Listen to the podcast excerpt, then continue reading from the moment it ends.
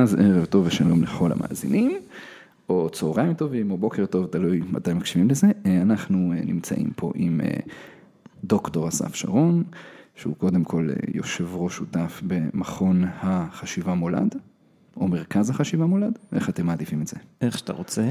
אוקיי. וחוץ מזה, ראש תוכנית פק"ם למצטיינים באוניברסיטת תל אביב. אמת. כל זה אמת עד כה. טוב, אז אה, אנחנו נדבר היום אה, סביב אה, יום השנה לציון רצח רבין, על בעצם מאמר שכתבת, שהתפרסם איפה? עתיד להתפרסם ב-New York Review of Books. אני לא מאמין, וכבר אנחנו מדברים עליו לפני. חשיפה ראשונה. חשיפה. ובעצם הוא שואל את השאלה ועונה על התשובה הבאה. בואו נתחיל מהשורה התחתונה, ולאט לאט ניכנס לזה. אז מה בעצם השאלה והאמירה שמצאת במאמרך על רצח רבין? השאלה שהמאמר שואל היא מה המשמעות הפוליטית אה, של רצח רבין. לא כל כך מה הסיבות שהביאו לרצח, לא כל כך מה בדיוק קרה באותו יום, מה עשה יגאל עמיר ואיפה עמד יצחק רבין, אלא מה היו המשמעויות הפוליטיות. ההשלכות על השדה. על הפוליטיקה הישראלית, מתוך uh, תובנה שזה אחד האירועים הכי משמעותיים שעיצבו את הפוליטיקה הישראלית כמו שאנחנו מכירים אותה היום, ו... שההשפעה הייתה מאוד מפתיעה. זאת אומרת, מה שהיה צפוי לקרות ואמור לקרות, וגם מה שכל השחקנים הפוליטיים המרכזיים חשבו בשעות ובימים שאחרי הרצח, זה שהתוצאה של הרצח תהיה ריסוק של הימין, בפרט של תנועת ההתנחלויות, גוש אמונים, ומה שקרה זה די ההפך, רצח רבין מסמן בעצם את ההתחלה של העלייה של הימין הדתי וה... צאצאים של גוש אמונים להיות ההגמוניה בפוליטיקה הישראלית. אז איך זה קרה? אוקיי. Okay. אז אה, בוא נתחיל שנייה מההתחלה. איך אה, ניגשת לנושא? איך הגעת אליו? אה, בעצם הטריגר המיידי היה פרסום של שני ספרים, אחד ביוגרפיה של יצחק רבין שיצא לאור גם בעברית ממש לאחרונה, שכתב איתמר רבינוביץ', מי שהיה שגריר ישראל בזמנו של, של רבין. שגריר ישראל בארצות הברית. כן, וספר נוסף אה, שכתב אותו העיתונאי האמריקאי דן אפרון, שהיה עיתונאי של ניוזוויק, אה, שסיקר את ישראל במשך הרבה שנים, כולל בזמן הרצח, והוא כתב ספר ספציפית על הרצח, אז אני התבקשתי לכתוב סקירה על הספרים האלה, וכבר ניצלתי את ההזדמנות לבחון את ההשלכות של רצח רבין באופן יותר רחב. אוקיי, אה, אתה ממליץ על הספרים סך הכל? אני ממליץ על הספרים. הספר... אם כבר הגענו לביקורת הספרים. כן, הספר של אפרון לא קיים בעברית לצערנו, וזה אחד הדברים שמאוד אה, ריתקו אותי לעניין הזה עוד הרבה לפני הספרים האלה, וזה העובדה, הדלות הבלתי נסבלת של עיסוק, בפרט כתיבה, על, על תופעה כל כך מרכזית, אתה רק יכול לדמיין, קח את ההשוואה לרצח קנדי אם אתה רוצה, אבל תדמיין כמה ספרים היו יוצאים באמריקה אם רצח רבין היה קורה שם, היו כבר כמה מדפים. ובארץ לא יצאו הרבה ספרים על רבין. כמעט לא נכתב שום דבר, על רצח רבין עצמו כמעט לא נכתב שום דבר. בטח ביוגרפיות על רבין יש אה, כמה יש וכמה. מעטות מאוד, יש, באמת? כן, לפני זאת יש בעצם רק שתיים אה, ממשיות, אה, ועל האיכות שלהם אפשר להתדיין בנפרד, אבל בטח על המשמעויות הפוליטיות היותר רחבות, למעשה אין שום דבר. וואו, מפתיע בסך הכל. כן. טוב, ואז אה, חוץ מלקרוא את הספרים, מה, לאיזה עוד אה, חומרים אתה הולך ונחשף ומה, איפה אתה עוד אה, הרבה מהעבודה הייתה קריאה של עיתונות מהתקופה, okay. אוקיי. וניסיון להבין בדיוק מה קרה. ו- ולא מעט רעיונות, דיברתי עם לא מעט אנשים, גם אנשים בסביבתו של רבין, גם אנשים מהצד השני של המתרס. אה, כדי ככה לקבל מהם אה, רשמים, חוויות, זיכרונות שלהם מאותה תקופה וגם שאלות יותר ספציפיות שרציתי לברר. אה, לא כולם קיבלתי עליהם מענה עד הסוף, אבל זה, זה בעצם המקורות שיש לך במחקר מהסוג הזה. בואו בגדול נעבור לשאלת המחקר בסופו של דבר, אז איך זה קורה? איך זה קורה שמשלב של קמפיין התנגדות אה, מאוד אה, ארסי שמוביל הימין בראשות אה, ראש האופוזיציה בנימין נתניהו, מה שמתגלגל ומוביל אפילו עד לאלימות פוליטית ורצח. אנחנו, מה שהיה, שוב לפי ההיגיון הפשוט, אמור להוביל דווקא למכה מאוד קשה לימין, איזשהו חשבון נפש מאוד קשה של הימין, איך הגענו למצב כזה, איפה טעינו. מה שקורה הוא כמעט הפוך, וכמה שנים לאחר מכן אנחנו נמצאים אפילו שנה מיד אחת, שנה אחת מיד אחר כך, נתניהו אפילו זוכה בבחירות, חשבון הנפש כאילו איכשהו עופר אל השמאל, והימין דווקא מתחזק. איך, איך, איך זה קורה בפועל? כן, אז זאת באמת אה, שאלת מיליון הדולר. אה, זה קורה מיד, זה מה שנורא מעניין בעניין הזה. מי שעוקב אחרי השעות אפילו, ובטח הימים שאחרי הרצח, אפשר ממש לראות את התהליך אה, מתפתח. שעות אחרי הרצח, ביבי נתניהו בעצם אמר שאם יערכו בחירות בזמן הקרוב, הימין צפוי להימחק. בקרב המתנחלים הייתה פאניקה מוחלטת, הם היו בטוחים שעכשיו פרס, שממלא את מקומו של רבין, אה, שום דבר לא יעמוד בדרכו והוא הולך לחסל את מפעל ההתיישבות. התמיכה ב, ב, בצד הקורבני, כן, בפרס, ברבין, בתהליך השלום הייתה בשיאה בעקבות הרצח. וכמובן שהבהלה, הבלבול וההפתעה האיומה שהרצח אה, יצר פה גם יצרה הזדמנות, לפחות נראתה כמו הזדמנות פוליטית. עכשיו מה קורה? אז יש את תהליכים של על פני השטח, ועל פני השטח יש סדרה של טעויות פוליטיות איומות מבית המדרש של פרס, שמסרב למרות הפצרות של אנשים כמו יוסי ביילין ואחרים לקיים בחירות כמה שיותר מהר, בתנאים אופטימליים. אה, פרס שלא רוצה בעצם אה, להיראות כמי שניצח על גבו של רבין, תמיד התחרות עשרות השנים של תחרות ביניהם. אה, פרס רצה לנצח בכוחות עצמו, ולכן הוא מחליט לדחות את הבחירות. הוא גם דוחה את הסכם אה, בלין אבו מאזן, והדבר הכי חמור שהוא עושה, זה שהוא בעצם מושיט יד לצד השני ומאפשר לבנימין נתניהו אה, להרחיק את עצמו מהרצח ולהחזיר את עצמו כשחקן פוליטי לגיטימי.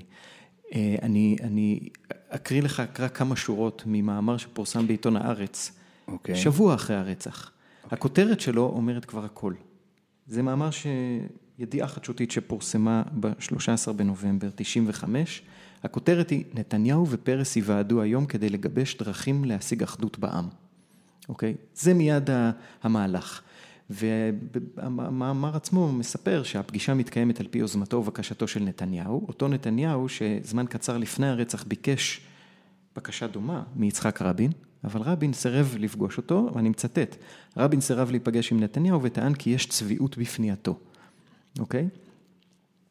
שבוע אחרי הרצח. אבל זה מפתיע, כי אתה אומר שנתניהו בעצם, לפי, לפחות לפי הידיעה הזאת, חיפש אחדות בעם עוד לפני הרצח. לא, אני אומר שנתניהו השתמש בכלי הנשק האולטימטיבי של הימין, ותכף אפשר לדבר על מה עושה אותו לכלי נשק אולטימטיבי, של מה שנקרא אחדות בעם. אחדות כן. בעם זה בעצם מילת הקוד, ב, אם אתה רוצה, היחסים הסאדו-מזוכיסטיים בין הימין לבין השמאל בישראל, רק שאתה יודע, ביחסים סאדו-מזוכיסטיים, הסייף וורד בדרך כלל משמש את זה שסופג את האלימות, אז פה זה הפוך.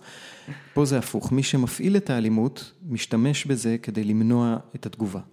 וזה באופן עקבי, אפשר להסתכל על ההיסטוריה של היחסים בין השמאל לימין בישראל. למעשה, אין כמו ההיסטוריה של רבין עצמו כדי להראות את הדינמיקה הזאת. רבין בפעם הראשונה שהוא היה ראש ממשלה בשנות ה-70, זה היה בדיוק כשהמתנחלים פולשים לתחנת הרכבת בקדום ובסבסטיה, רוצים להקים את ה... בעצם לכפות על ממשלת ישראל להקים התנחלויות בלב השומרון, וכשבאים לפנות אותם, אז פרס עוזר להם ו... רבין אחר כך בזיכרונות שלו מאשים אותו בזה שהוא היה משת"פ שלהם בעצם, אה, אבל הצבא שנשלח לפנות אותם בעצם מתברר מהר מאוד שהוא ייתקל בהתנגדות, ואז מיד מתחילים לצעוק, רגע, רגע, יהיה פה מלחמת אחים. והפחד מפני מלחמת אחים... בעצם הימין, הימין מזהיר מפני מלחמת אחים, כן, אם יפנו את ההתנחלים. אם תפנו אותנו, אנחנו לא תהיה לנו ברירה ונצטרך להגיב בהתנגדות אלימה, וכשנגיב בהתנגדות אלימה אתם תהיו אלימים כלפינו, ואז תהיה מלחמת אחים, מלחמת אחים זה נורא ואיום, ולכן אחדות בעם, זה הפתרון.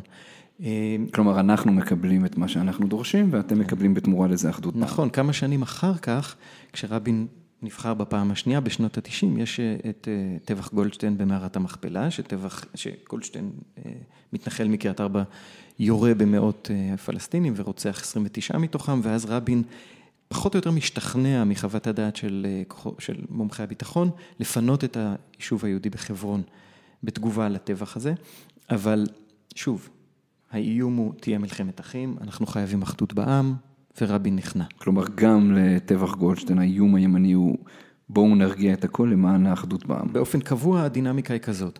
אנחנו עושים משהו, אנחנו המתנחלים עושים משהו שמפר את כללי המשחק, אבל ברגע שמאיימים להגיב עלינו, שהממלכה מתקוממת ורוצה לאכוף עלינו את החוק, את החלטות הממשלה, מה שלא יהיה, אז אנחנו מיד צועקים, רגע, רגע, יהיה פה מלחמת אחים. מלחמת אחים זה אה, טאבו, ולכן אין ברירה, אנחנו מוכנים, מוכרחים אחדות בעם. אחת התגובות המעניינות אגב לסיפור הזה, אה, הייתה של אה, מי שהיה שר המשפטים בממשלת רבין הראשונה, צדוק, שאמר שסבסטיה, הוא קרא לזה, זה היה האלטלנה שלנו ופספסנו אותה. עכשיו, אלטלנה זה המקרה האחד שבו ניסו לצעוק מלחמת אחים, מלחמת אחים, אבל זה לא עבד להם. ושוב, רבין היה שם, אבל מי שנתן את ההוראה היה בן גוריון. וזו הפעם האחת שבה בעצם... שוב פעם, תזכורת, אלטלנה, אה, אוניית אה, נשק שמגיעה מאירופה. אוניית נשק שהאצ"ל מביא מאירופה. אה, בן גוריון דורש שכל הנשק יוסגר לידי צה"ל, בגין מסרב. מחשש להקמת מיליציות פרטיות וכמה צבאות בתוך צה"ל. נכון מאוד, ואז ניתנת הפקודה לירות על האלטלנה, הספינה טובעת, וגם אנשים שהיו עליה סופגים אש. מה שהיה מכונה התותח הקדוש, כן. כן. הנקודה המהותית לענייננו לרצח רבין זה, תראה את הדפוס הזה, כן? הפעם האחת, חוץ מבאלטלנה, כל יתר הפעמים, תמיד נעשים מעשים, זה יכול להיות מהקמה של מאחז לא חוקי, פלישה לתחנת רכבת בסבסטיה, טבח מערת המכפלה, מה שאתה רוצה. התגובה היא תמיד, אנחנו נתנגד בכוח, זה פשוט נתון, אבל עכשיו זה מטיל על הצד השני חובה לא, לא לנהוג כלפינו באלימות, תמיד. האלימות תמיד מופגנת מצד אחד לצד השני, והתביעה הנגדית בשם האחדות היא תמיד שהצד השני יימנע מתגובה. והדבר הזה עובד, הוא נורא נורא נורא אפקטיבי. זה מה שכל כך אה, מפעים כשמתחילים לחפור בדבר הזה, הציניות של האחדות. בוא ניתן לך עוד אני... אנקדוטה, לפני שאתה okay. אוקיי. שואל את השאלה הבאה. כי אני חושב שהיא ממש מלמדת על זה יפה. בשבועות, בחודשים לפני הרצח, אתה הזכרת את מסע ההסתה שנוהל פה, אחת הבמות המרכזיות שבהן נוהל מסע ההסתה, זה הייתה הביטאון של המתנחלים, נקודה. מי שערך אותו היה ישראל הראל, במשך הרבה מאוד שנים. אותו ישראל הראל היה כותב טור שבועי בעיתון הארץ. בטור השבועי שלו בעיתון הארץ, בימים שאחרי הרצח ובשבועות שאחרי הרצח, אפשר לראות בדיוק את הדינמיקה הזאת. זאת אומרת, מהרגע הראשון, ישראל הראל מנסח בעצם את התביעה של הימין, אל תאשימו אותנו, ואל תפלגו את העם. מי שמפלג את העם זה לא מי שהיה מאחורי ההסתה, מי שבביטאון שלו כתבו על רבין שהוא בוגד. אתה תראה שבימים שאחרי הרצח, הוא מיד מתחיל לדבר על מה? אחדות לאומית. אני מצטט לך עכשיו ממאמר שפורסם יומיים אחרי הרצח. הדבר הכי חשוב שתהיה קריאה רמה ובהירה ובעיקר אמיתית לאחדות לאומית. התביעה הזאת מופנית לא כלפי המחנה שלו, כלפי המחנה של רבין, אוקיי? יותר מזה, מי אשם ברצח? בפרשנות הפנימית שאתה יכול למצוא גם בטורים של ישראל הראל וגם בנקודה, הרצח הוא תוצר של הפילוג בעם. הפילוג בעם הוא תוצר של תהליך השלום. תהליך השלום עשה אותו רבין, בעצם רבין אשם ברצח של עצמו. והמסקנה המתבקשת, כדי למנוע חזרה של הדבר הזה, מוכרחים להפסיק את תהליך אוסלו, אוקיי? וישראל הראל כותב את זה שבועיים או שלושה אחרי הרצח, גם בטור שלו בהארץ, פתאום עולה הדרישה להפסיק את הקפאת הבנייה ביהודה ושומרון, בזה יהיה המבחן של שמעון פרס עם הכוונות הפיוס שלו אמיתיות או לא אמיתיות. זאת אומרת, בתוך שבועות, לא רק שלא נעשה חשבון נפש, אלא שהתביעה מופנית כלפי הצד השני. אם, אז בגלל שחזרנו חזרה לשמעון פרס, אני אשאל אותך בעצם שתי שאלות. ברור שזה הקו של הימין, זה גם מאוד מובן למה שהימין ידבוק בקו הזה, כלומר, הוא, לא, הוא רוצה להתנקות מאשמה שאולי תדבוק בו. השאלה היא, אחת, למה פרס והמחנה שממול מסכים לזה? למה הם אחרי מכה כל כך קשה, אחרי אירוע כל כך מזעזע, למה בעצם האינסטינקט הטבעי שלהם הוא לכן להסכים לדרישות האלה ושוב אה, לשאוף אל האחדות בעם הזאת, ואז השאלה השנייה בעצם, למה זה רע? אולי בעצם אנחנו צריכים אחדות בעם, אולי באמת יש כאן, אה, המשבר הוא בעצם האחדות בעם. טוב, זה שתי שאלות מאוד שונות, אז בואו נתחיל מהראשונה. קודם כל, מה קורה בצד השני? אז תראה, האסימטריה המאוד ברורה שיש פה זה שיש צד אחד שמבין את כל הסיפור מהרגע הראשון ולאורך כל הדרך כסיפור פוליטי. ושוב, אתה יכול לראות את זה בטקסטים שלהם, אני לא רוצה להלאות בציטוטים, אבל אתה יכול לראות שמיד השאלה היא מה המשמעויות הפוליטיות, מה יקרה עכשיו להתיישבות, איך זה ישפיע על עתיד תהליך השלום. זה ממש נראה, אתה אומר, מיד בכתבי מיד. המחנה הימין המתנחלי. התגובה היא מיד תגובה פוליטית. לעומת זאת, הצד השני, הצד של רבין במקרה הזה, מיד מנסה לנטרל את המימדים הפוליטיים. כי המימדים הפוליטיים לא הולמים את האופי המאוד רגשי, האופי המאוד אה, אה, לאומי שאמור להיות לאירוע הזה. והדבר הזה, מיד, אם אתה זוכר, התגובה אפילו הספונטנית של אנשים ברחוב לרצח הייתה מה שנקרא נוער הנרות. שרים שירים בכיכר, מדליקים נרות, בוכים קצת, כן, המון, המון... נחמה, מחפשים מנחמה בעצם. בעיקר נהנים מאוד לדעתי מהאקט הקתרטי של ההתבכיינות והתחושה, הסנטימנטליזם הזה של המסכנות. אמ, שזה כמובן בסדר, אפשר להבין את זה כתגובה פסיכולוגית, אבל אין את המנהיגות הפוליטית שמסוגלת לתרגם את הדבר הזה לזעם ולפעולה. הפעולה היחידה שיצאה מהצד השני זה כל מיני יוזמות של מסוגים שונים של פיוס, הידברות. אה, ארון הספרים היהודי פתאום מתחיל כל התופעה הזאת, חוזרים לארון הספרים היהודי, כי אנחנו איבדנו את המשותף ואת מה שמאחד בינינו. כל החר... תופעת אה, צו פיוס בעצם. צו פיוס, בדיוק. והחרדה הזאת מהפילוג הופכת להיות דבר שמנטרל כל יכולת לתגובה פוליטית, כי יש פה בעיה מאוד מאוד יסודית. אפשר להיות מאוחדים על בסיס של הסכמות לכללי משחק. אפשר להיות מאוחדים על בסיס של פטריוטיות למדינת ישראל. אבל ברגע שנכנסים לזירה הפוליטית, יש פה מחלוקת שעליה אי אפשר להיות מאוחדים. יש מי שחושב שצריך להחזיק בכל אה, חלקי יהודה ושומרון, ויש מי שחושב שצריך לצאת משם. ופה יש מחלוקת. מה שהימין הצליח לעשות בצורה מאוד אפקטיבית, זה לצבוע את העמדה הנגדית כעמדה שהיא פלגנית. ואת העמדה שלהם, תראה אפילו איך מדברים על זה עד היום. אבל בטח באותה תקופה. לנהל תהליך שלום זה מפלג את העם, להתנחל בשומרון זה לא, נכון? כן. אוקיי, אז, אז זה חלק מה, מהדינמיקה שאני חושב כחלק גדול מזה זה היעדר מנהיגות כמובן, שלא ידע לתרגם את זה למושגים פוליטיים ולכוח פוליטי או לתגובה פוליטית אפקטיבית שהייתה יכולה להיות מאוד משמעותית באותו זמן. וממול לזה, בצד השני, היה דווקא מנהיגות פוליטית מאוד מאוד יעילה. יש איזה דרך ככה יותר אה, פרקטית, בוא ממש אה, נקרא איזה טקסט מהתקופה הזאת ותראה לי איך אנחנו רואים בצד אחד את ה... בעצם ממלכתיות, זה מה שאתה אומר, צד אחד מחפש את הממלכתיות ואת ההרגעה, והצד השני איך הוא מחפש את הפוליטי ואת ההזדמנות. אז איפה אתה בעצם רואה את זה בצורה ברורה? תראה, יש המון המון דוגמאות לזה, אני הזכרתי את ישראל הראל, אז אני, אני אמשיך עם זה, אבל... אה, אז יומיים אחרי הרצח הוא כותב טקסט כזה מאוד אה, מיוסר על כמה זה נורא מה שקרה וכולי, אבל הוא עושה עוד שני דברים. דבר אחד, הוא בעצם אומר מה היה הסיבה לרצח, כי הוא מסביר שרבין היה היחיד שהיה יכול להעביר את תהליך אוסלו בישראל, בגלל הפרופיל הביטחוניסטי שלו וכולי. ואחר כך הוא אומר, הכי חשוב שלא נידרדר למלחמת אחים, ומציב את התביעה כלפי הצד השני לאחדות לאומית. זה ממש המילים שהוא משתמש בהם, מלחמת אחים לעומת אחדות לאומית. וזה זה, זה, זה הפורמולה, כן, זאת הנוסחה אם אתה רוצה. שבוע אחר כך הטון כבר מתחיל להשתנות ואני אדלג טיפה כדי לא להלאות, אבל שלושה שבועות או שבועיים וחצי אחר כך, ב-23 לנובמבר 95, אנחנו, הוא כבר כותב את הדבר הבא. כדי ששמעון פרס ייכנס להיסטוריה כמי שהצליח לאחד את העם, שוב, אחדות העם, הסגנון החדש, גם אם יתמיד בו, לא יספיק. זה אחרי שהוא אומר שדווקא פרס מתנהג יפה, והסגנון שלו בסדר, אבל עכשיו הדרישה כבר עולה, הסגנון לא מספיק. לצד האיפוק והרטוריקה המפויסת דרושה גם מהות. עכשיו שים לב למשפט הבא, הסכמי אוסלו על מחיר הדמים הכבד שהם גבו, כולל דמו של יצחק רבין ז"ל, הם לכאורה עובדה מוגמרת. זאת אומרת, מי שגבה את דמו של יצחק רבין זה הסכמי אוסלו, נכון? אבל הוא ממשיך ואומר, על כן, אם פרס וממשלתו יתחייבו לציבור כי עד הבחירות הבאות לא יהיו עוד מחטפים מדיניים, דהיינו שלא יהיו עוד ויתורים בכל הזירות לפני שהעם יאמר את דעתו בבחירות הקרובות, הדבר עשוי להביא, קרוב לוודאי, להורדה ניכרת של מפלסי המתח, האלימות והתסכול. כמעט איום, נכון? זה מה שאתם צריכים לעשות, ובפסקה הבאה מיד הוא אומר, לעומת זאת, אם הוא לא יעשה את זה, הוא עלול לעשות שגיאה פוליטית פטאלית, אוקיי?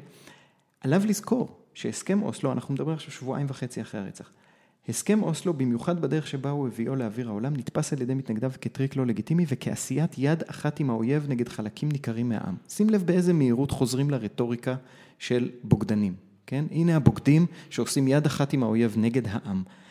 על זה אנחנו מדברים שבועיים וחצי אחרי זה הרצח. ממש, זה אנחנו עוד בנובמבר, למעשה אנחנו ממש עוד בנובמבר 95. אנחנו עדיין בנובמבר 95, זאת. אומרת, נורא מהר זה הופך להיות, קודם כל זה לא אנחנו, אל תאשימו אותנו. דבר שני, מה פתאום אתם מאשימים מחנה שלם וצובעים את כולנו בצבע אחד וזה הסתה? ודבר שלישי, האח- האחריות לאחדות בעם מוטלת עליכם, והדרך לממש אותה היא לקבל את התכתיב שלנו. בעצם התכתיב הוא התכתיב הבא. או שאתם רוצים לעשות שלום עם האויבים הערבים, אבל אז אתם במלחמה עם האחים שלכם, או שאתם תעשו שלום עם האחים שלכם ותישארו במלחמה עם האויבים הערבים. אין אופציה אחרת, כי אנחנו לא ניתן. וזה התכתיב של הימין לאורך כל הדרך. עכשיו, זה תכתיב נורא קשה. וכשאתה שואל למה הצד השני באיזשהו אופן משתף איתו פעולה, זה נורא קשה לעמוד מולו ולהגיד, חברים, לא מלחמה ולא אחים. אנחנו אזרחים במדינה, ויכול להיות קונפליקט פוליטי בין אזרחים, ויכול להיות שצד אחד יצטרך להכריע את הצד השני. מאוד קשה להגיד את זה כשקונים את מסגרת הדיון של אחדות בעם, של מלחמת אחים. זאת אומרת, המסגרת המושגית הזאת כבר מארגנת את גבולות השיח, אם אתה רוצה. כי יש פה צד אחד שתופס את הסיפור כסיפור פוליטי, כוויכוח פוליטי. ובתוך ויכוח פוליטי יכול להיות חילוקי דעות ויכול להיות אפילו מאבקים, אבל זה ויכוח פוליטי.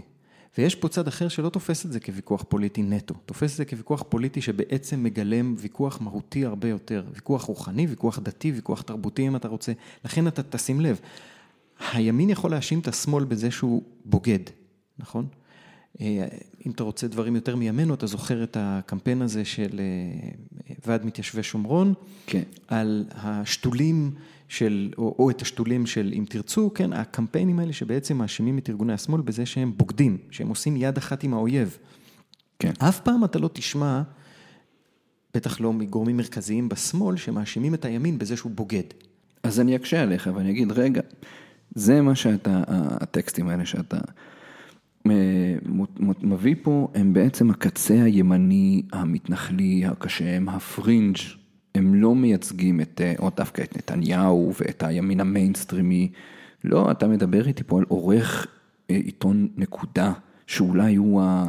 עורך עיתון נקודה וראש מועצת יש"ע במשך הרבה מאוד שנים. אוקיי. אחת הדמויות המרכזיות בתנועת ההתנחלות, ואפילו לא הקיצונית שבהם. לא הבאתי לך את ברוך מרזל או את אה, כהנא. אבל בסדר, אבל בוא נגיד עדיין, זה עדיין הקצה, אתה יודע, ראש מועצת יש"ע, זה עדיין, כן. נגיד, אם נשווה את זה לימינו, זה עדיין על הבנטים. אז בוא נדבר על נתניהו. אז בוא נדבר על נתניהו, מה נתניהו עושה באותה תקופה? נתניהו, תזכור, ש...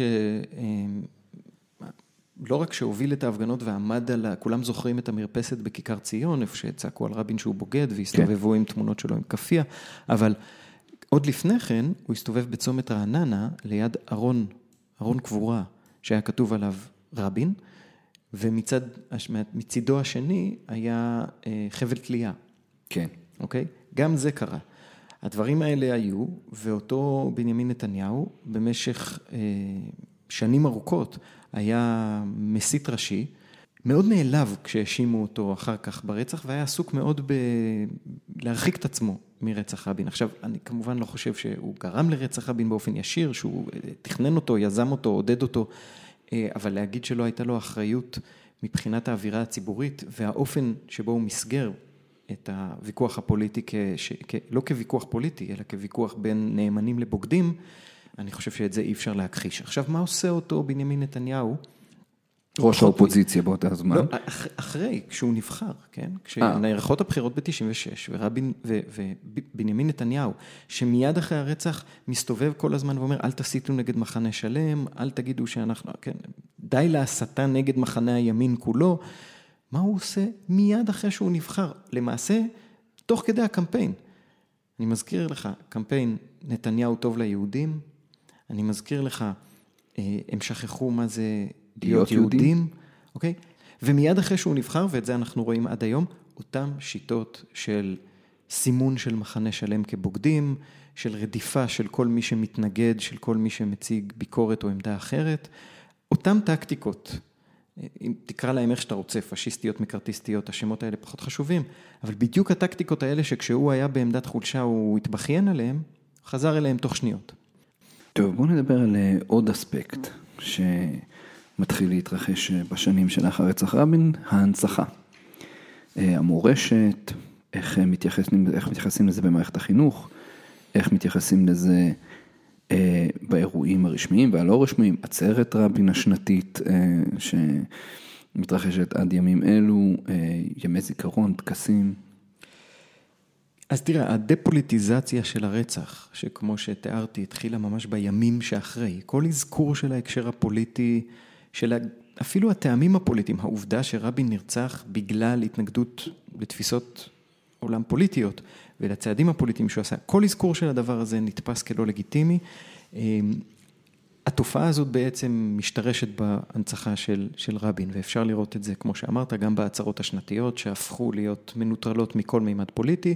בעצם מה שהתוכן המרכזי שלהם זה בוא נהיה מנומסים ובוא נדבר על אחדות בעם, שוב, בדיוק הרטוריקה שהימין הכתיב בימים שאחרי הרצח, כשאין שום אפשרות בכלל להזכיר את התוכן הספציפי, הפרטיקולרי, הסיבות שבגללם הוא נרצח, מי רצח אותו, ממי הוא קיבל את ההרשאות או את ההשראה לרצח, אה, מי היו אלה שהובילו את הקמפיין הציבורי נגד יצחק רבין והשתמשו בכינויים כמו בוגד. אה, כל הדבר הזה בעצם אה, הופך ללא לגיטימי במסגרת הזאת, שוב, תחת הכותרת שזה מפלג, ושמה שאנחנו זקוקים לו זה אחדות, אוקיי? עכשיו בוא ניתן לך כמה דוגמאות לדבר הזה, אז הנה דבר אחד נורא מעניין, תראה איך מערכת החינוך מציינת את אה, רצח רבין. אז אתה יכול לראות את מערכי השיעור שמשרד החינוך ממליץ עליהם למורים. אתן לך דוגמה משיעור אחד לבתי ספר תיכוניים. אז מנחים את המורים, המורה יפתח בדברים הבאים, ביום שבת, י"ב חשוון, תשנ"ו, נרצח ראש הממשלה ושר הביטחון בסופה של עצרת המונים שהביע תמיכה בדרכו המדינית. לא מוזכר מהי דרכו המדינית. מתנקש יהודי שהתנגד לדרכו רצח אותו, אוקיי? פה בעצם נגמר כל הסיפור של הרצח וכל המטען של הרצח. כן. מכאן והלאה יש אזכור של הרקע של רבין, איפה הוא נולד, איזה תפקידים הוא מילא, היה בפלמ"ח, היה שגריר וכולי.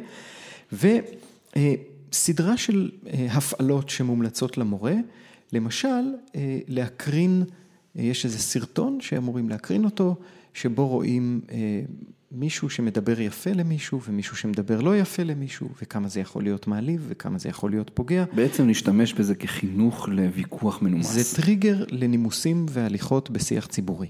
אין שום אזכור לעובדה שהיה מחלוקת על עתיד השטחים, שהתהליך המדיני היה יש. נושא, בדיוק, שהתהליך המדיני היה העילה לרצח הזה. לא מוזכר מי היה רבין מבחינת עמדותיו המדיניות.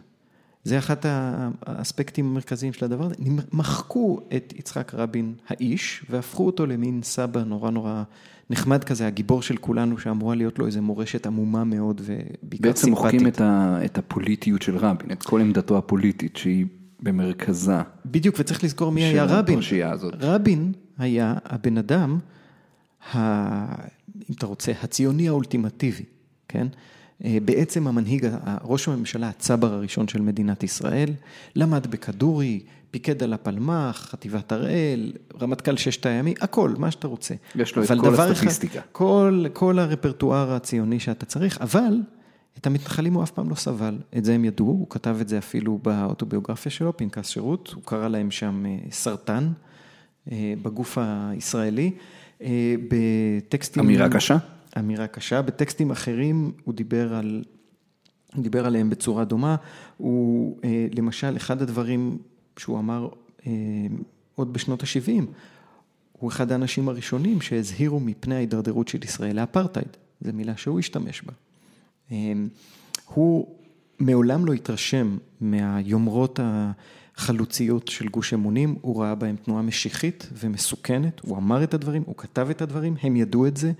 אה, עוד ב-74 במפגש עם חניכים בבני עקיבא, כשהם שאלו אותו על הגבולות מבחינתו, הוא אמר שלא מפריע לו לנסוע גוש עציון עם דרכון. גוש עציון, כן, הקונצנזוס, וזה ב-74. עכשיו, זה לא בגלל שהוא היה איזה פיסניק בשלום עכשיו, ממש לא. אתה- כי ממש לא. שלו היא, וההיסטוריה אומרת שהוא הנץ של מפלגת העבודה, הוא- זוכרים לו את לשבור להם את הידיים ואת הרגליים, זוכרים לו את... מה שהוא אה, הכחיש, אגב, לא... כן. הוא הכחיש שהוא אמר את זה, אבל זה אוקיי. שאלה הוא מה כאילו באמת היה שם. מסופר כ- כמרכז. בוא אני אקריא לך ציטוט קצר. בגוש אמונים ראיתי תופעה חמורה ביותר, סרטן בגופה של הדמוקרטיה הישראלית. נגד תפיסתם הבסיסית, הנוגדת את בסיסה הדמוקרטי של ישראל, היה הכרח להיאבק מאבק אידאי, החושף את המשמעות האמיתית של עמדות הגוש ודרכי פעולתו. בשמה של הדת היהודית כביכול הגיעו אנשי גוש אמונים לביזוי עצמי ולנקודת שפל ביהדות שכל יהודי מיושב בדעתו לא יכול אלא לגנות בשאט נפש. מעטים המקרים בתולדות היהדות שחבורה פרועה שכזאת נוטלת לעצמה מנדט בשם שמיים, הכל במסווה מאוס של אהבת ארץ ישראל ופורצת אל הרחובות בגסות רוח להטיל אימה וטרור. אוקיי? את הדברים האלה הוא אמר עוד בשנות ה-70. רבין לא היה פיסניק, והוא לא היה שמאלן של שלום עכשיו, זה נכון. אבל הוא גם היה מאוד מאוד רחוק מהעולם הרעיוני של גוש אמונים. הוא היה ביטחוניסט, הוא לא היה טריטוריאליסט, הוא לא האמין בקדושת האדמה לשמה, הוא לא האמין שהייעוד של מדינת ישראל הוא להגשים איזה חזון משיחי או דתי. ובמובן הזה הוא היה ההפך המוחלט ממה שאנשי גוש אמונים אה, מייצגים, ועצם הקיום שלו היה אה, הוכחה או אה, התכה ניצחת כנגד היומרות שלהם להיות ממשיכי דרכה של הציונות ההיסטורית. אז אני אשאל אותך שוב, איך כל החלק הזה מצליח להיעלם לחלוטין ממה שמכונה מורשת רבין? אה, איך הוא מצליח להימחק לגמרי? כלומר, איפה הם ממשיכי דרכו אה, במחנה השמאל, במפלגת העבודה, במשפחתו, שנותנים לזה הכשר והם עוזרים להעלים את זה? מוקם מרכז רבין, יש יום, יש אה, הנצחה כלל ארצית, יש טקסים, יש, יש את העצרת הפוליטית. איפה כל זה? איך כל זה נעלם בעצם?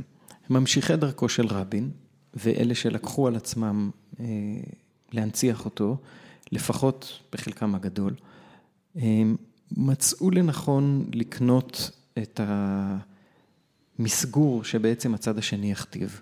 שהדרך הנכונה להבין את הרצח, שהדרך הנכונה לזכור את רבין האיש, היא בדרך קונצנזואלית. וקונצנזוס הוא קונצנזוס מדומה, כי הוא קונצנזוס שמכתיב אותו הצד השני. כן? כל כן. דבר שהצד השני מטיל עליו וטו ואומר אני לא מסכים, מיד הופך ללא קונצנזואלי. ולכן יש בעצם צד אחד שמכתיב מהו אותו קונצנזוס. אני לא רוצה להגיד שהדברים נעשו מתוך רצון רע, אני מעריך ומניח שהם נעשו מתוך רצון טוב, אבל זה לא הופך אותם לפחות שגויים ומוטעים.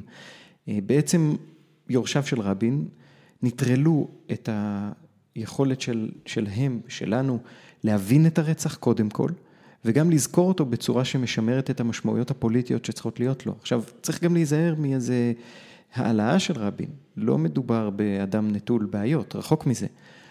מדובר, והשאלה היא באמת גם לא האדם רבין, השאלה היא מה היה המשמעות של הרצח, מה היו הגורמים לרצח, איזה השפעות היו לרצח.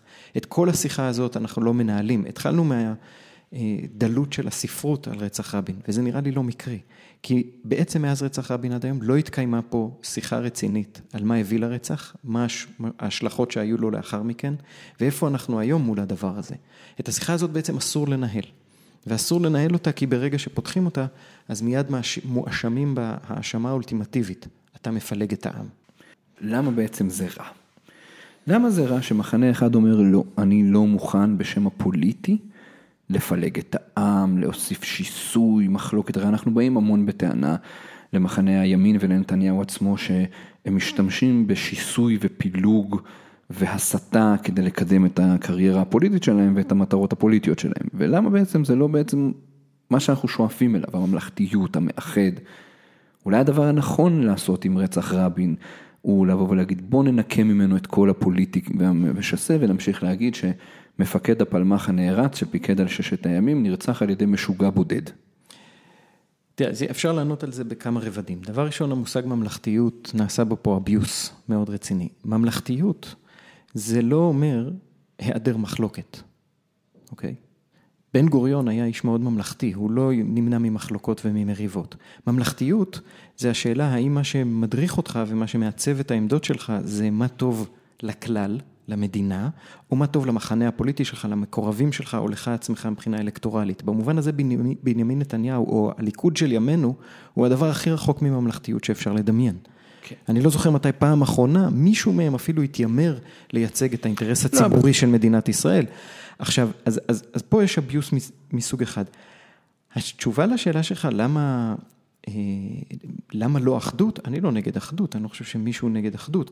השאלה מתי אחדות הופכת להיות instrument, כלי נשק, כדי בעצם להשתיק את הצד השני ולנטרל מחלוקת פוליטית. אחדות זה לא אומר שלא מתווכחים. אם אנחנו נפסיק להתווכח, נחדול להיות דמוקרטיה, כי דמוקרטיה זקוקה לוויכוח, והיא זקוקה למחלוקת בין עמדות. העובדה שבשנים האחרונות לא מתקיים ויכוח ציבורי בישראל אמורה מאוד להדאיג גם את מי שכרגע אה, אה, נהנה לכהן בשלטון. ולכן אחדות, אחדות יכולה להתקיים בכל מיני פרמטרים. אם אחדות משמשת להשתקה, אז יש לנו בעיה. רצח רבין הוא לא אירוע שאמור להיות מפלג. רצח רבין אמור להיות אירוע שאנחנו לומדים ממנו לקחים לאיך אנחנו מנהלים את הוויכוח הפוליטי במדינת ישראל. במקום זה, אנחנו הפכנו אותו להיות מין אה, מסווה או תירוץ להשתקה של הוויכוח הפוליטי. זה לא דרך לנהל ויכוח פוליטי. אז אנחנו נסיים אה, במבט. אל, אל ההווה ואל העתיד. אנחנו מקליטים את זה היום אה, כמה ימים לפני אה, העצרת השנתית הקבועה בכיכר לזכר אה, רבין. אנחנו נמצאים עדיין בתוך שיאו של התהליך הזה שאתה מתאר, שבו מחנה אחד משתמש באחדות בשביל להשתיק מחנה שני, ומחנה שני מחפש את הממלכתיות ואת המאחד. מה, מה היית רוצה שיקרה? מה היית אומר, כאן הטעות, זה מה שצריך לשנות בקשר לכל מה שקשור לשיחה סביב רצח רבין? תראה, אני לא פוליטיקאי ואני לא מנסה להציג פה סדר יום, אני מנסה לנתח את התהליך הזה שקרה. אני חושב שאחד הדברים שאפשר ללמוד ממנו זה שאנחנו צריכים להפסיק להיבהל מהאיום במלחמת אחים, ואנחנו צריכים להפסיק לאפשר לסיסמה הזאת של אחדות בעם לשתק אותנו. לדבר הזה צריך לשים סוף. אה, לא, לא, לא, לא מתקבל על הדעת שלקרוא לאנשים אה, אנטישמים, כמו שעושה שר החינוך הנוכחי, או אה, להגיד שהם שכחו להיות, שכחו מה זה להיות יהודים, כמו ראש הממשלה הנוכחי, או בוגדים, כמו שמאוד מקובל באנשים שמקורבים לשני האנשים האלה. כל הדברים האלה הם לא נתפסים כמפלגים והם לא פוגעים באחדות בעם, אבל כל פעם שמישהו טוען שצריך לנהוג אחרת בשטחים, אז הוא מפלג את העם. מהדבר הזה אנחנו מוכרחים להתנקות. וברגע שנתנקה מזה, אני חושב שאפשר יהיה לנהל פה שיח הרבה יותר מהותי ורציני על, על הוויכוח עצמו, על המהות, על השאלה למה רבין חשב שצריך לעשות הסכם שלום עם הפלסטינים גם במחיר של נסיגה מרוב שטחי יהודה ושומרון. רבין, המפקד של הפלמ"ח, אותו אחד שלא היה פיסניק, למה הוא חשב ככה? ולמה הדברים האלה עדיין נכונים היום? איזה פתרונות מציעים נפתלי בנט או בנימין נתניהו לבעיות שהטרידו את רבין? מה המשמעות של ציונות ב-2017 או 2018? את השאלות האלה אי אפשר לשאול ברגע שרפרטואר שלם של עמדות נפסל מראש בהיותו מפלג, וברגע שיש איזו מחויבות אפריורית לדבר אמורפי שנקרא אחדות בעם. העניין הוא שהפוליטיקה נעשית בדיוק באותו מקומות שבהם יש בינינו מחלוקות. אחרת לא צריך בחירות ולא צריך מפלגות ולא צריך מועמדים. אם כל מה שאנחנו נדבר עליו זה על מה שמאחד אותנו, שכולנו רוצים שיהיה נחמד, אה, אז בשביל זה לא צריך פוליטיקה. הפוליטיקה מתרחשת במקום שבו אני חושב שמה שטוב למדינה הוא דבר אחד, ואתה חושב דבר אחר, ואני חושב שהסדר עדיפויות הזה הוא נכון, ואתה חושב אחר. אם אנחנו לא מסוגלים לנהל על זה ויכוח, אז קורים אחד משני הדברים. או שמנצח מי שמפעיל יותר אלימות, או שאנחנו פשוט מנוהלים על ידי אה, מדיניות אחת, כושלת או לא כושלת. אין לנו שום יכולת לא לבקר את עצמנו ולא לתקן את עצמנו. לכן יש ויכוח ציבורי, ולכן צריך להיות מסוגלים לנהל אותו, ואי אפשר לנהל אותו בסד שבו, שמאלץ את אחד הצדדים מראש תמיד להתקפל בפני הצד השני ולא להביע את עמדותיו כי הן בלתי לגיטימיות. טוב, אז בהמשך לדברים שדיברנו עד עכשיו, אני רוצה לקחת אותך ממש לימינו אנו, ממש לעצרת שתתקיים בימים הקרובים, אה, עצרת הזיכרון לרבין. אה, עצרת לציון 22 שנה להרצחו של ראש הממשלה יצחק רבין ז"ל, וחשוב להם לציין גם רב אלוף.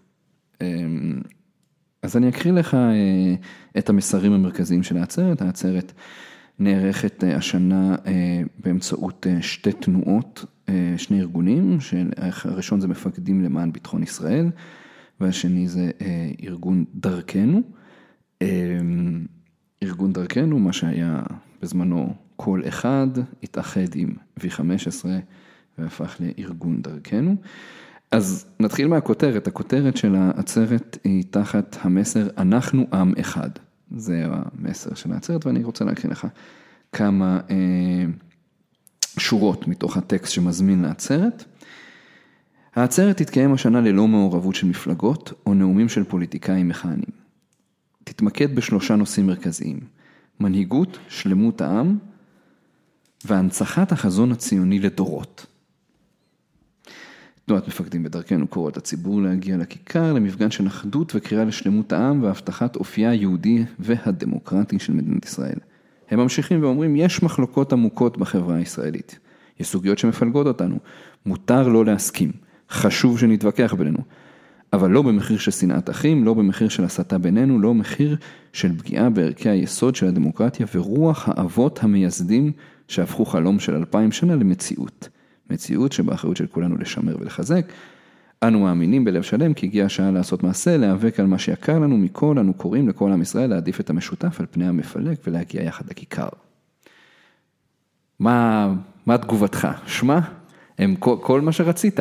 הם אומרים שמותר להתווכח, מותר לא להסכים, אבל שווה, אפילו, הם לא אומרים שחשוב להתווכח, אבל שמותר להתווכח לפחות את זה. אבל שלא יגיע להסתה ושיסוי ומלחמת אחים. הכל, הכל טוב. אז קודם כל זה, זה בדיוק ממחיש את מה שדיברנו עליו קודם, כן? החל מהכותרת, ה-framing המרכזי של כל הסיפור הזה זה אחדות לעומת פילוג. המסר המרכזי שאנחנו רוצים להוציא מסיפור רצח רבין, מה שאנחנו, המטען שאנחנו לוקחים איתנו כחברה, זה להיות אה, סובלניים ולא לתת למחלוקות בינינו להידרדר לכדי אה, פילוג. אה, אבל, והמשמעות של זה, ופה כל הצעד הקריטי, זה שזה לא יכול להיות פוליטי, נכון? ולכן הדבר הראשון שהם אומרים, זה לא יהיה עם פוליטיקאים, אל תדאגו, זה לא, זה לא פוליטי. זאת אומרת, כן. האחדות והחוסר פילוג מתורגם לדה-פוליטיזציה. אסור להיות פוליטי, כי פוליטי זה מפלג. עכשיו, פה בדיוק נעשתה הטעות, כי תשים לב איך, איך הגלישה הקלה הזאת מתרחשת. להגיד שמותר לנו להתווכח ושיהיו חילוקי דעות זה מאוד נחמד, אבל אם להיות פוליטי זה להיות מפלג, אז איך אנחנו באמת יכולים לנהל מחלוקת פוליטית, נכון? זאת אומרת, איבדנו את הטווח הזה שבו אנחנו יכולים לנהל בינינו מחלוקת אמיתית, רצינית, כואבת, אפשר גם להתעמת עליה, בלי שאנחנו אה, מידרדרים ל... לפלגנות, או למלחמת אחים, או כל דבר מהדברים האלה. זאת אומרת, יש לך פה שני גופים, ששניהם גופים שבעצם מבחינת המוטיבציות שלהם מזוהים עם הצד השמאלי, זה שני גופים שנוצרו על ידי אנשים מאוד טובים וראויים. אני לא בטוח שהם יסכימו איתך על זה. אז אני מסכים איתי עם זה. הם יגדירו את עצמם כמרכז המתון. בטח, זה מה שהם תמיד, זה מה שהם יגידו, אבל זה חלק מאותה תופעה שעליה אנחנו מדברים, שאי אפשר להגיד את האמת. שאי אפשר להגיד שמאל, אי אפשר שיגלו שאנחנו במחנה השמאלי. שני הגופים האלה הם גופים שנועדו לקדם את חזון חלוקת הארץ לשתי מדינות, לשני עמים. נכון. הדבר הזה זה כמעט ההגדרה של מה זה להיות שמאל בישראל, אבל הם בורחים מההגדרה הזאת, כי ההגדרה הזאת עברה דה-לגיטימציה מאוד מאוד אפקטיבית, ובכך שהם בורחים ממנה הם משתפים פעולה עם הדה-לגיטימציה. שנעשית פה ב-20 שנים האחרונות. לכן, באופן אבסורדי יוצא ששני גופים, שבעצם מטרתם היא לקדם את חזון שתי המדינות, אותו חזון שעליו רבין נרצח, לא מסוגלים את הדבר הזה לומר בעצרת לזכרו של רצח רבין. ולמה הם לא מסוגלים לומר את זה? כי הדבר הזה נתפס כמפלג וכפוליטי וכלא לגיטימי.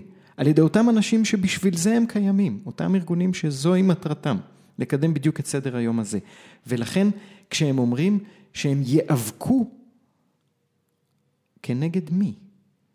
על מה אנחנו נאבקים אם אנחנו רק מדברים על מה שמאחד ומה שמחבר את כולנו? שוב, שיהיה ברור, אני לא חושב שזה רע לדבר על שיתוף פעולה, על הידברות, הכל בסדר גמור.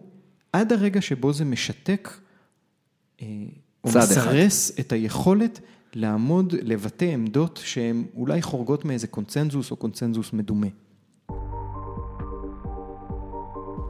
תודה שהאזנתם לשיחה עם דוקטור אסף שרון ממרכז מולד ואוניברסיטת תל אביב על מאמרו בנושא השלכותיו הפוליטיות של רצח רבין. להתראות בפעמים הבאות.